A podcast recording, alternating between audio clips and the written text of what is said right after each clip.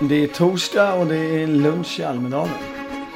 Och det är en dag som förstås präglas av mordet på Ingmarie Wieselgren.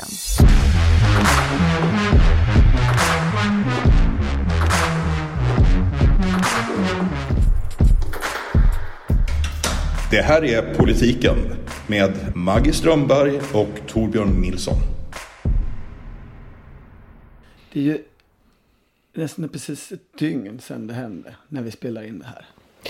Ja, och polisen har precis hållit eh, presskonferens ihop med åklagaren och eh, gett lite mer information. Man visste ju väldigt lite till en, en början som det alltid är i sådana här lägen. Och det de har sagt var att det inte var ett slumpmässigt valt offer, utan motivet handlar om hennes arbete inom psykiatrin. Ingmarie Wieselgren var ju psykiatrisamordnare på SKR men har också gjort mycket uppdrag för regeringen och socialdepartementet och socialstyrelsen. Alltså varit en, en, en väldigt eh, tung person inom sitt fält i många år. Och, och, och som jag förstår det från, från åklagarhåll så, så tonar man ner det här att, att eh, gärningsmannen har kopplingar till Nordiska motståndsrörelsen. Ja, man, som man bedömer det nu, man fortsätter titta på det i utredningen, men som man bedömer det nu så ser man inte det som kopplat till motivet, utan det ska vara riktat mot svensk psykiatri på något sätt, psykiatrivård. Man säger också att gärningsmannen var eh, på narkotikapåverkad och lider av då Psykisk ohälsa. Jag tror att det eventuellt är ett för milt ord i sammanhanget. Jag men ja. det. Nej men och det var ju intressant igår. Eh, vi, jobbade, vi blev ju då nyhetsreportrar igår och arbetade med detta. Eh, och den här kopplingen till NMR blev ju, alltså Nordiska motståndsrörelsen, blev ju känd ganska tidigt. Och det har ju varit så många år i Almedalen de senaste gångerna att eh, nazisterna har varit väldigt synliga. Och eh, kommit och stört seminarier, eh, följt efter vissa tongivande politiker och, och bara synts. Alltså de, de har ju ibland haft liksom, en plats och så också. Ja, och under, under några av politikertalen tidigare år så har ju det dels varit ett så att säga inslag i, i publiken väldigt visuellt och eh, som absolut kan kunde uppfattas som hotande. Men också så har det ju varit eh, vid några tillfällen alltså störningar. Folk som har skrikit under talen.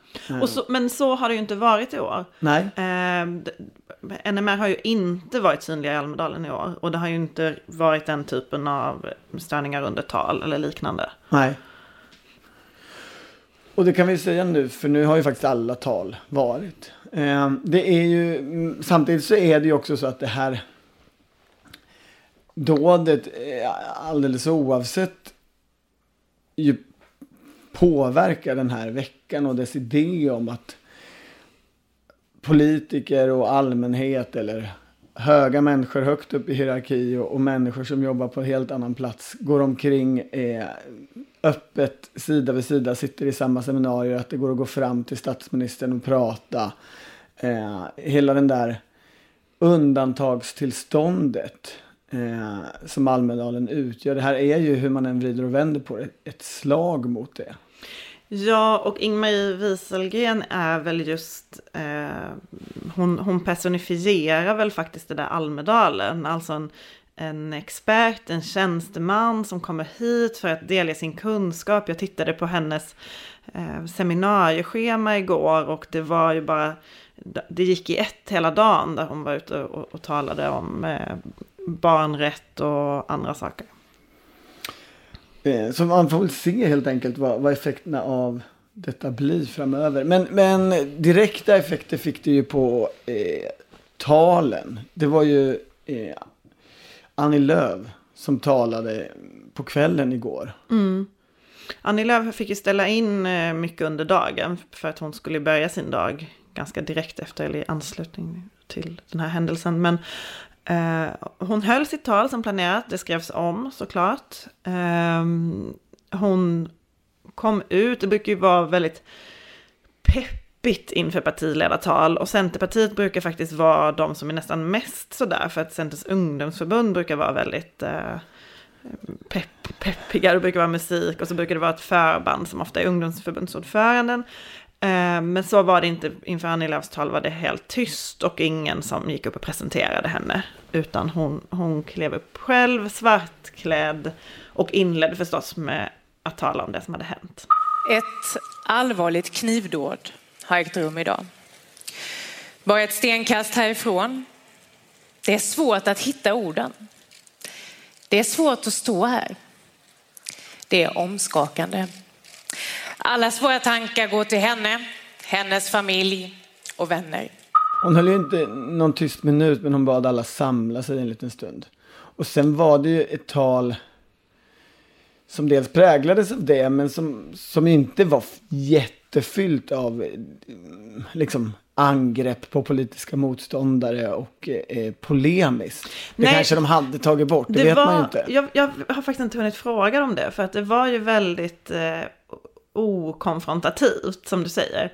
Det var också kort, talet. Det var ovanligt kort. Det var bara 30, 30 minuter, lite kortare ja, kanske. Till, ja, jag, jag, jag tror att jag var på 20 minuter. Det var kort och konfliktfritt. Eh, sen passar ju det ganska väl in i den här Annie Lööf som ska vara den samlande kraften i, och den seriösa och den som står för breda överenskommelser och, och så vidare. Så det kanske, det kanske var tänkt att vara så i vilket fall. Men det kändes lite konstigt ett valår. Man är ju ändå van vid eh, den mer konfrontativa Annie Lööf som hon var när hon var ung.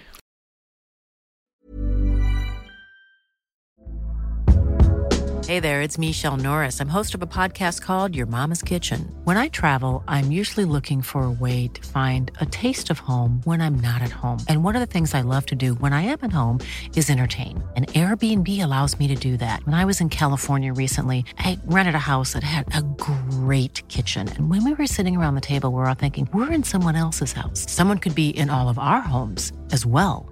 If you have a home, but you're not always at home, you have an Airbnb. Your home might be worth more than you think. Find out how much at airbnb.com slash host. Och det är annat i innehållet som, som förvånar, som inte måste ha en koppling till det här. Men det, efter då själva inledningen så, kom ju, så gjorde hon ju en övergång från det här våldsdådet till, till kriget mot Ukraina. Och det är ju det är inget konstigt men det var en ganska lång passage och det då låg liksom i topp. Inte en typiskt centerpartital. Och hur hon sen fortsatte att prata om, vad, vad var ämnena? Det var liksom mäns våld mot kvinnor, klimatbistånd, hbtq-dåd, abort i USA. Alltså jag sa ju i förra podden att, att Johan Persson höll något slags klassik Liberalerna-tal, men det här var ju ännu mer klassik Liberalerna på något sätt. Men det lät ju som Birgitta Olsson. Ja, det är det tal hon aldrig fick hålla för att hon aldrig blev partiledare. Det höll Annie Lööf igår. Det är ju kamp om mittenväljarna och Johan Persson har ju verkligen tagit upp den kampen. Den fanns ju inte riktigt på samma sätt innan. Nej, det är sant. Och nu eh, ska de båda låta folkpartistiska. Ja, och det... Det är ju samtidigt, det är ju inte så att de kritiserar Liberalerna särskilt mycket. Alltså den, den, den, där, den starkaste av liksom one-liners eh, av angrepp på andra partier var ju eh, eh, liksom kängan mot Ebba Busch. Ja, och det var ju en, det var, den, den lanserade hon, alltså den drog hon utan eh, känsla. Hon, hon klev liksom kvickt över den, hon väntade inte in skratt mitten. Hon ville inte, men i Ebba Buschs tal så vände hon sig väldigt tydligt till centerpartistiska väljare och sa är ni besvikna på Centerpartiet så kan ni komma till oss. Och så skulle hon då citera Torbjörn Fälldin. Eh, men detta var ju precis när hon hade teknikstrul. Så att hon, eh, hon kunde inte se vad det stod och så skulle hon gå till sitt pappersmanus och så hade hon tappat bort sig så då fick hon fråga vilken sida är jag på. Och sen så sa hon någonting, och försökte hon skämta bort det med att säga att ja, men hon var inte ens född när Fälldin var statsminister. Och då när Annie Lööf talade om, om sitt engagemang för landsbygden och bönderna och jordbruket så sa hon för, land, för att landsbygd för oss är hembygd för att vi inte behöver läsa till för att citera Torbjörn Fälldin. Och så pratade hon lite om hans köksbord också. Men, Jo men och den var väl, eh, den, den var ju ändå rolig. Det får man väl säga. Annars så får, tänker man ju mest, men du gillar inte den? Eller du tyckte att hon höll den för nedtonad? Nej, jag, jag tror att hon gjorde det mycket medvetet för att hon inte ville. Det var eh, vi som, vi, ni som förstår förstår, men jag tänker inte liksom låta er stå här och hånskratta åt Ebba Busch. Men det, det, man får ju säga också att eh, Annie Lööfs erfarenhet ju ändå eh, kom igenom i, i hur hon hanterade hela den här situationen. Eh, och det tal hon höll. Det var ju, det var väl inte ett fantastiskt tal, men, men det var ju heller inte, eh, liksom, det hade ju kunnat bli dåligt på så många sätt. Nej, men jag tyckte, jag håller med dig om att den erfarenheten syntes. Det slumpade ju sig så att hon på något sätt fick hålla talet till nationen Ja, efter den här mm. händelsen. Och hon, jag tyckte ändå att hon fyllde de skorna relativt väl om man jämför med dagens tal. Som där Per Bolund och Märta Stenevi ju gick upp och skulle göra samma sak. Då hade det ju gått... När Annie Lööf höll sitt tal hade ju dödsbeskedet än, ännu inte kommit. Då, det kom ju precis efter. Just det. Eh, Så det blev eh, liksom ett liknande tal. Och de som ändå ganska nyligen har suttit i regering tyckte jag inte fyllde den rollen lika väl. Igår skedde ett ohyggligt våldsdåd här i Visby när en man högg ner en kvinna mitt på öppen gata. För oss alla så är det här en sorgens morgon. För Ingmarie Wiesegrens familj och anhöriga och nära och kära så är det här också första morgonen utan henne. De, hade ju det som en, de gjorde ju det som en duo först och hade en tyst minut och, och sådär. De talade väldigt länge, tänkte jag. Ja, innan Per Bolund sen fick börja själva sitt tal. Mm, de, de hade ju gjort på samma sätt. Ingen musik, ingenting av det här festliga. Och sen så hade de bytt ut liksom, miljöparti-backdroppen mot ett brinnande ljus. Så citerade de eh, Ingmarie Wieselgrens tankar för dagen. Men sen i Bolunds tal fanns det egentligen, då tyckte jag att han var ganska frikopplad från, från den här händelsen. Mm, han hade ju tvärtom ett jättelångt tal. Han hade ju bara lagt på eh, några delar, en början och ett slut. Men, men jag satt och läste hans tal medan han höll det. Man brukar som journalist ofta få talmanuset för att det är till ganska stor hjälp när man ska skriva eller prata om ett tal. Eh, och han följde inte manus, de hade gjort om. Det fanns till exempel en attack på Moderaterna där han, som han tonade ner betydligt och sa, pratade lite mer allmänt om högern och, och sådär. Det fanns också något annat ställe där han mildrade språket. Om man tittar på båda de här partierna så är det ju spännande att båda faktiskt är krispartier nu för tiden. Eh, Centerpartiet har ju mer eller mindre halverat sitt eh, stöd i opinionsmätningarna på ett år. Eh, alltså Miljöpartiet eh, krisar väl inte mer än vanligt men, men ligger ju under 4 spärr i alla mätningar utom en som nyligen publicerades. Och man kan ju fundera på, det har vi pratat tidigare om i, i podden, Miljöpartiets eh, frånvaron av panikkänsla kring Miljöpartiet. Att de verkat så passiva. Eh, I talet och, och under deras halvdag då här. Fick man någon känsla för om de har de lite panik eller så att säga krisinsikt eh, om hur situationen är? Eh, alltså, Bolund hade ju en oväntad självdistans. Han skämtade ju lite om sina låga opinionssiffror och sådär. Men talet var ju till stor del en vädjan om att låta oss vara kvar i riksdagen. Och sen ett bevis för, eller försökte han då argumentera för att varför han var den enda som visste något om klimatet. Det var ju ett, eh, ett klimat och miljötal eh, där han berörde klimatet ur så många aspekter som liksom man kan bara räkna upp. Redan idag med 1,2 graders uppvärmning svälter människor runt om i världen efter uttorkade skördar. Människor dör av värmeslag i allt svårare, allt vanligare värmeböljor. Ja, av talartiden så måste ju lätt 80% varit klimatrelaterade Ja, saker. men och att det var så här, det var inte liksom en, ett, en passage där man staplar lite saker på varandra, utan det var en om, om skogen, det var en om teknikutveckling, det var en om havet, Absolut. eh, Mm. det var blåbärsriset som är på väg att försvinna, det var... ehm, Det verkar ju som att de har blivit lite inspirerade av Johan Persson. För eh, det som ändå varit Förutom att det är killen vid grillen och att han eh, ställer upp på allt eh, som någon någonsin Du vet att någon på Liberalerna får höjd lön varje gång Nej du det, säger det. det är, nej, det är Liberala ungdomsförbundet. Det är han vice ordföranden tror jag som har myntat det. Det är han som blir jätteglad när jag säger det. Eh, I vilket fall, det som liksom ändå varit bärande argumentet i Liberalernas uppgång eh, har ju varit liberalt maktskifte. Utan oss blir det inte en ny regering.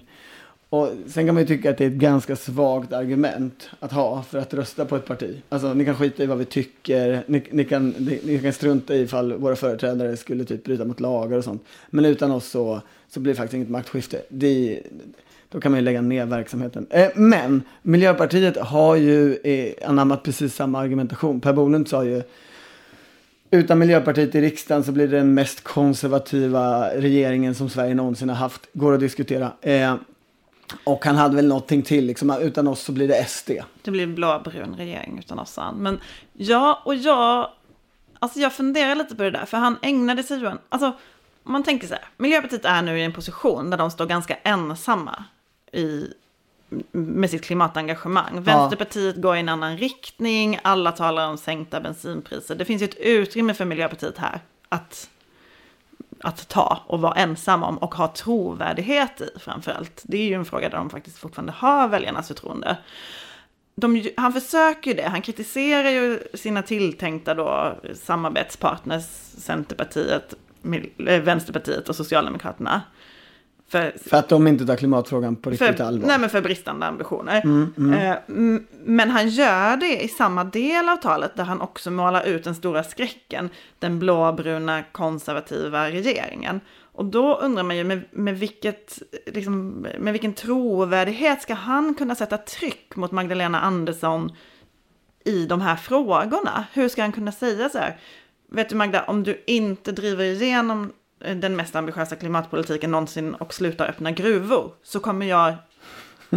Ja, vad kommer du göra då Per Bolund? Ska du släppa fram... Alltså, han låser ju in sig själv.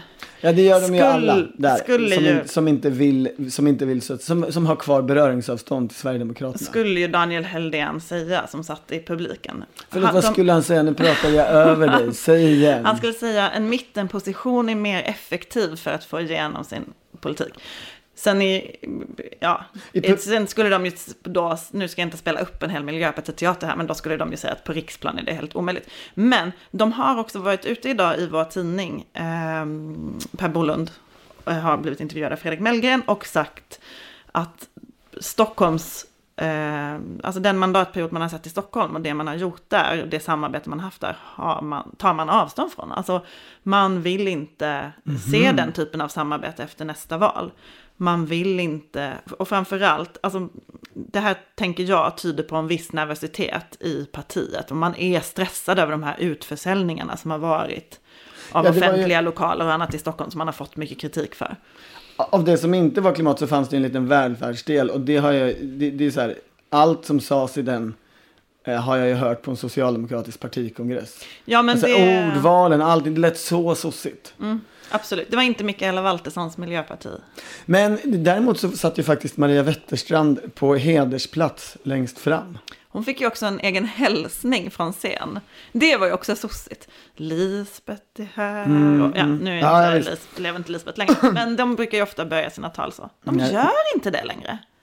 Nej, Är men det sen Lisbeth gick bort? Om de det, inte så är det nog kanske. det? Eh, Men Ingvar Carlsson satt ju eh, på, på hedersplats. Absolut, men det var ju ingen sån nu ska vi till. hälsa till alla hjältarna som de Nej. alltid gjorde förr. Nej, det, men det beror nog på att själva den direkta kopplingen till Olof Palme är, Mm. är borta på det sättet. Men eh, Jo men Wetterstrand, man, det är ju tydligt att nu, hon, hon kommer ju fram ibland när det går riktigt dåligt för partiet. Det är det här som är så tråkigt i miljö och klimatdebatten. Miljö och, klimat, miljö och klimatdebatten. Att man inte lyfter varandras eh, styrkor och förslag. Utan att man försöker svartmåla. Utan att man försöker svartmåla. svartmåla.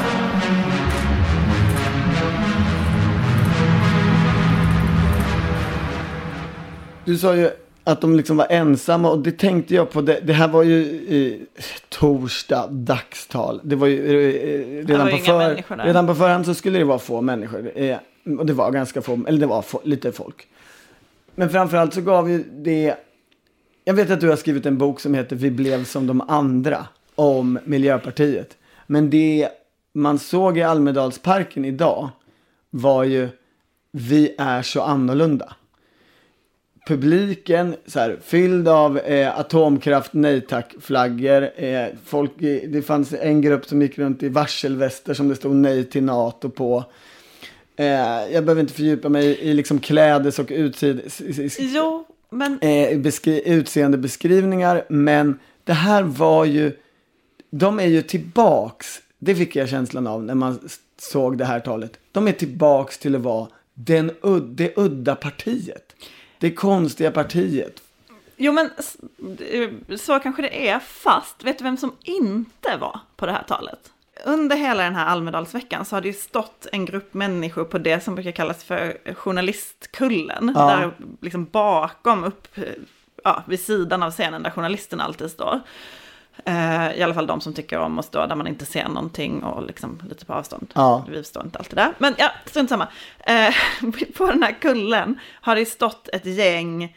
Eh, jag skulle utseendemässigt beskriva majoriteten av dem som hippies. De har haft stora plakat där de har... ehm, Framfört olika åsikter. väldigt, de har inte allt, man har inte känt att de kanske går ihop hela tiden. Men det ena är ju, du ska styra över dig själv, det ska inte riksdagen göra. Du ska ha makten, det ska inte riksdagen ha, typ. Eh, sen är, det, är de ju mot islamism. Och, eh, Jag, tror- jag tror de är emot. PCR-tester också. Fem, det finns någon 5G-känsla. Nej, absolut. Och sen finns det också några med, med socialen har tagit mina barn t-shirts. Alltså det här är en, det du beskriver är en grupp eh, konspirationsteoretiker och rättshaverister. Vi, vi kanske måste notera det så att det inte här låter som att det är Ja, en miljöpartifalang. Nej, men en blandad grupp. Men min poäng är så Ja. här. Förr i tiden hade de varit miljöpartister. Alltså när man tittar på... För grejen var så här faktiskt att... Nu ska jag dra. Full transparens här. Ja, visst. En dag satte jag mig i parken för att vila lite grann och lutade mig mot en blomkruka och kollade på min mobil. Ja. Jag hade en ganska kort klänning på mig. Ja. Så att när man satt där den här gruppen satt så kunde man, liksom, då kunde man se in i min klänning. Och då kom en av de här fram till mig för att klaga på det, för att han tyckte att det var... Han, Att, det, att det var vulgärt att han, att han fick för mycket insyn. ja, men... Det var inte så att han kom och påpekade snällt att så här, bara så du vet om Jo, så. det var mer så. Det var faktiskt mer så. Men ehm, när han kom gående mot mig så tänkte jag så här, jaha, det är en miljöpartist som har läst min bok som vill säga något. För det är ganska vanligt att de kommer fram och vill prata om För det. han hade the looks Han av hade en ett så old miljöpartist. äkta Ja. miljöpartistiskt utseende. Men det, han ville bara råda mig att sitta på ett annat sätt. Men i alla fall... ehm, Det var ju också konstigt, nej, är ovanligt pryd miljöpartist. Jag. Eller konspirationsteoretiker, vad han nu är. Men nu måste jag komma till poängen Ja. här. Eh, jo, men då visade det sig ju att det här gänget som har stått på varje tal, de är inte ens på Miljöpartiets tal. De var inte ens där idag. Men på Jimmy Åkessons tal, då stod den här, just den här mannen eh, och skrev, ropade ja! Typ nästan allting Jimmy sa. Och en annan av dem gjorde det på Ebba Buschs tal och skrek amen! Du, du, du menar att tokdårarna har gått från, från Miljöpartiet till att bli, till, från att vara Miljöpartiets kanske problem, till att bli Jimmy Åkessons och Sverigedemokraternas Ja problem? men en gång i tiden hade de här varit miljöpartister, det är jag helt övertygad om. Okej, men, men är du ändå med på, på min spaning om, om vi tar bort den lilla faktorn tokdårarna, eh, som naturligtvis är intressant, till, till de, mer- de mer normala, men ändå eh, tydligt egna. Verkligen. Alternativ, alltså det lyste alternativ Mm. över hela pub, liksom, publiken. Mycket för att det, många människor har åkt och därmed så blir så att säga koncentrationen av miljöpartister Mm. på Miljöpartiets tal be, blev högre än koncentrationen av eh, socialdemokrater på Socialdemokraternas tal. Men det lyste ju inte av alternativ i Per Bolunds tal. Och det förvånade mig lite faktiskt. Därför att jag tycker att, alltså, efter att de har klivit ur regeringen så har de, de har fortfarande inte på den här tiden lyckats hitta sin oppositionsroll. Jag tycker att de har svårt att kritisera Socialdemokraterna, att hitta en, en bra nivå i det. Ehm, de, de är ju, verkar väldigt ängsliga hela tiden, riskminimerande. tar, liksom, vågar inte ta ut svängarna i någonting, upplever jag. Varken intervjuer eller utspel eller någonting. Och det var ju en väldigt stor del av talet som ägnades åt att beskriva sig som det ansvarstagande regeringspartiet som får saker gjort ja. och som är pragmatiskt. Jag, jag vet ändå inte om jag håller med riktigt. Tycker jag. Alltså jag förstår vad du menar men jag tror inte riktigt jag, jag håller med. Och jag måste börja i, jag läste en artikel idag i ETC, tidningen ETC, som, där de hade intervjuat unga klimataktivister utifrån vinkeln nu får generation Greta rösta. Eh, men de vet inte om de tycker det är värt att rösta på Miljöpartiet. Att eh, Miljöpartiet är för, för icke-radikala. Eh, så varför ska man ens rösta? Ungefär så.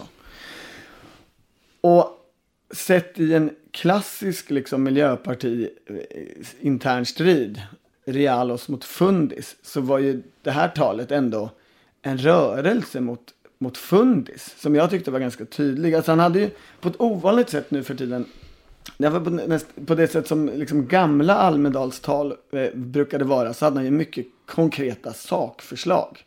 Han, han, eh, då, han gick ju fram med kravet att eh, man ska sälja SAS till exempel. Det ska vara totalt stopp för storskalig trålning i Östersjön.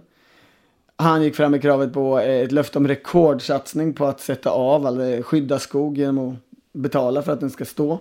Och eh, han lovade också att man ska vaka som hökar mot Erdogan. Och inget av de här var ju liksom Maria Wetterstrand, Peter Eriksson miljöpartism.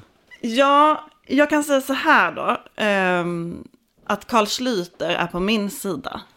Ja, alltså aha. i relationen, är Per Bolund tillräckligt radikal eller inte? Nej men jag tycker så här, i ton tycker jag verkligen fortfarande inte att han har hittat. Jag, jag, förstår vad du säger om att han har sakpolitiska förslag. Jag tycker kanske inte de är mega radikala. Nej, det kan Men jag hålla med om. Jag överdrev i, lite. I ton är han ju inte en oppositionspolitiker. Och det var han inte i det här talet heller. Sen var det ju liksom konstiga omständigheter. Carl Schlüter var i alla fall där med sitt barn. Det kanske bidrog till den där känslan du hade av att de var alternativa. Men han var, är ju Miljöpartiets på senare år mesta fundis. Han är inte kvar i Bland annat längre. eftersom han inte är kvar i partiet. Det är ju själva det är definitionen på superfundis. Absolut, men han satt ändå där ihop med en riksdagsledamot. Ja, han är ju i miljörörelsen. Men eh, han, han, var, han tyckte det kunde göras mer. Han tyckte, hur ska man förhandla med regeringen när man, man har inget, liksom, inget utrymme, man intar en så försiktig position och vad ska man, Ja. Jag, jag köpte han, pratar om, han, tycker, han tycker den här teknikoptimismen. Mm. Nej men det jag vill åt är att trots då att fundisarna inte alls på något sätt är nöjda. Så jämför man vissa delar med, av Per Bolunds tal med Annie Lööfs tal.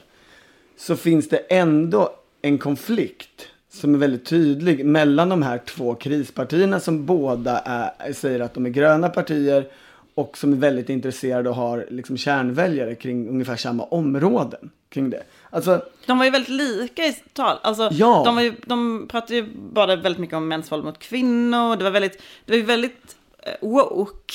Ja, det var samma så här, vi, vi, ska vinna tillbaka samma kvinnliga väljare från Socialdemokraterna. Mm. Eh, så kan man säga. Men, men om de nu klarar att komma in i riksdagen allihopa så kommer de ju få konflikt om de gröna frågorna. Fastän då Miljöpartiet inte är jättefundis enligt dig. Eh, och det köper jag. Du du är auktoriteten Ja, men det är klart de kommer vara, de är mer fundis än Annie Lööf. Ja. Absolut. Det... Nej, men, nej, men till exempel så hade ju då eh, eh, Per Bolund ett skogsavsnitt som var tydligt präglat av eh, liksom, de senaste årens skogsdebatt. Där eh, Miljöpartiet eh, har liksom fått internkritik och blivit ännu hårdare och tuffare. Och då hörde jag Carl Schlüter i publiken ropa Bra! Ja, men om man lyssnar lite noggrannare så sa Bolund absolut ingenting om bioenergi. Som är själva liksom eh, den alternativa eh, eh, gröna idén. Att vi ska hugga ner träd och använda dem till att göra energi för att slippa eh, släppa ut eh, och använda annan dålig energi. Annie Lööf däremot, hon hade uttryckliga formuleringar. Till exempel, vi ska fortsätta investera i svenskt biobränsle. Så där Bolund inte liksom eh, inte nämnde ordet men heller inte var emot det så sa eh, Annie Lööf, vi måste göra ännu mer av det här som fundisfalangen i Miljöpartiet avskyr. Så redan där ser man ju att det finns en framtida konflikt. Och, och på samma sätt är det ju med energin i, i största allmänhet.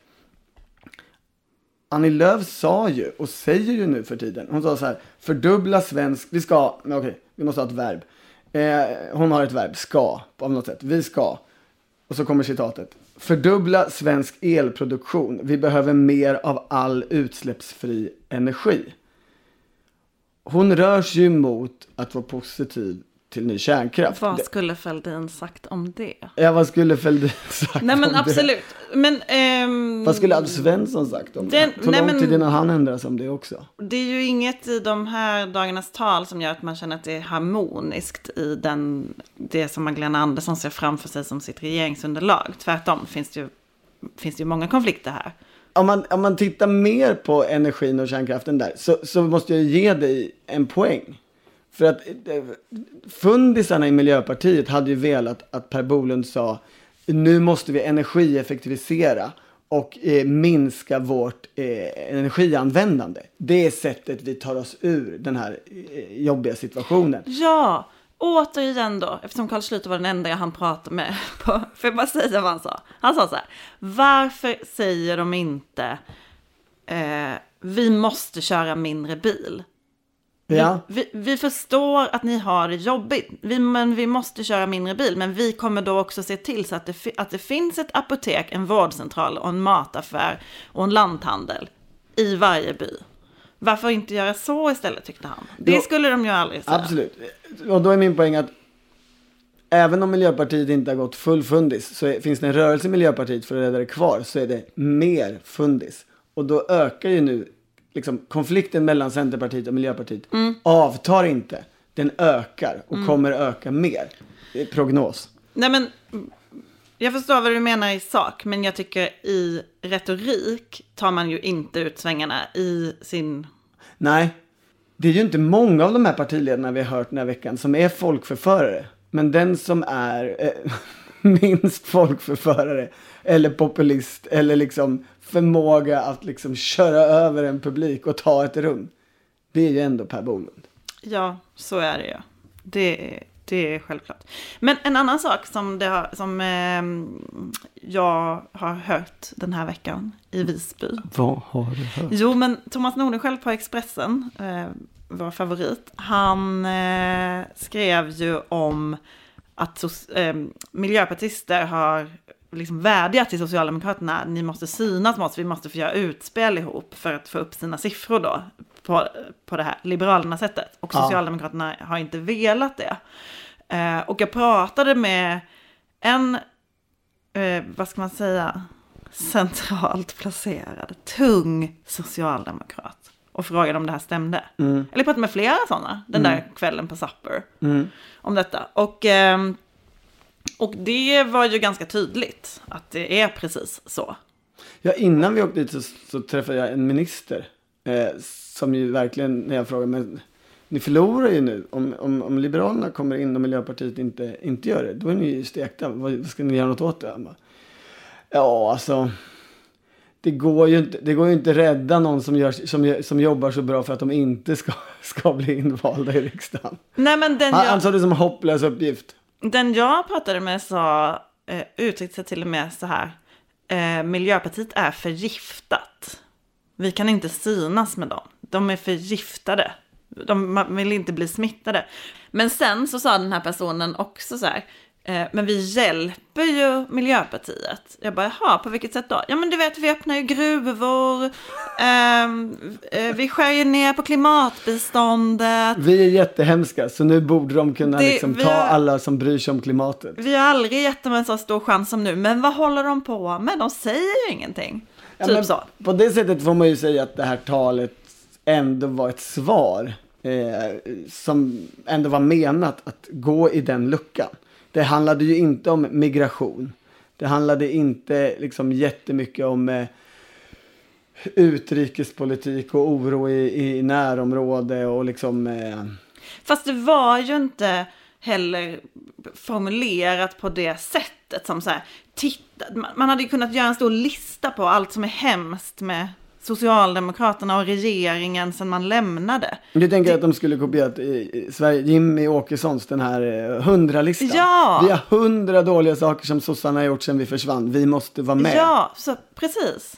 Eller någonting med lite energi i. Eller liksom skällt ut Nooshi Dadgostar. Det är det som de alltid säger. I förhandlingsrummet så ville de aldrig prioritera klimatet. Bara outa dem! Du, ja. Mm, mm. Ingen tar någonsin mina strategiråd.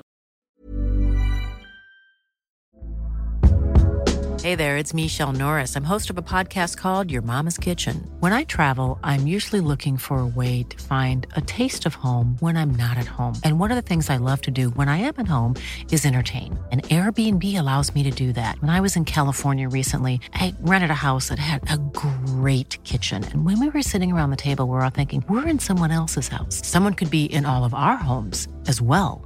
If you have a home, but you're not always at home, you have an Airbnb. Your home might be worth more than you think. Find out how much at airbnb.com slash host.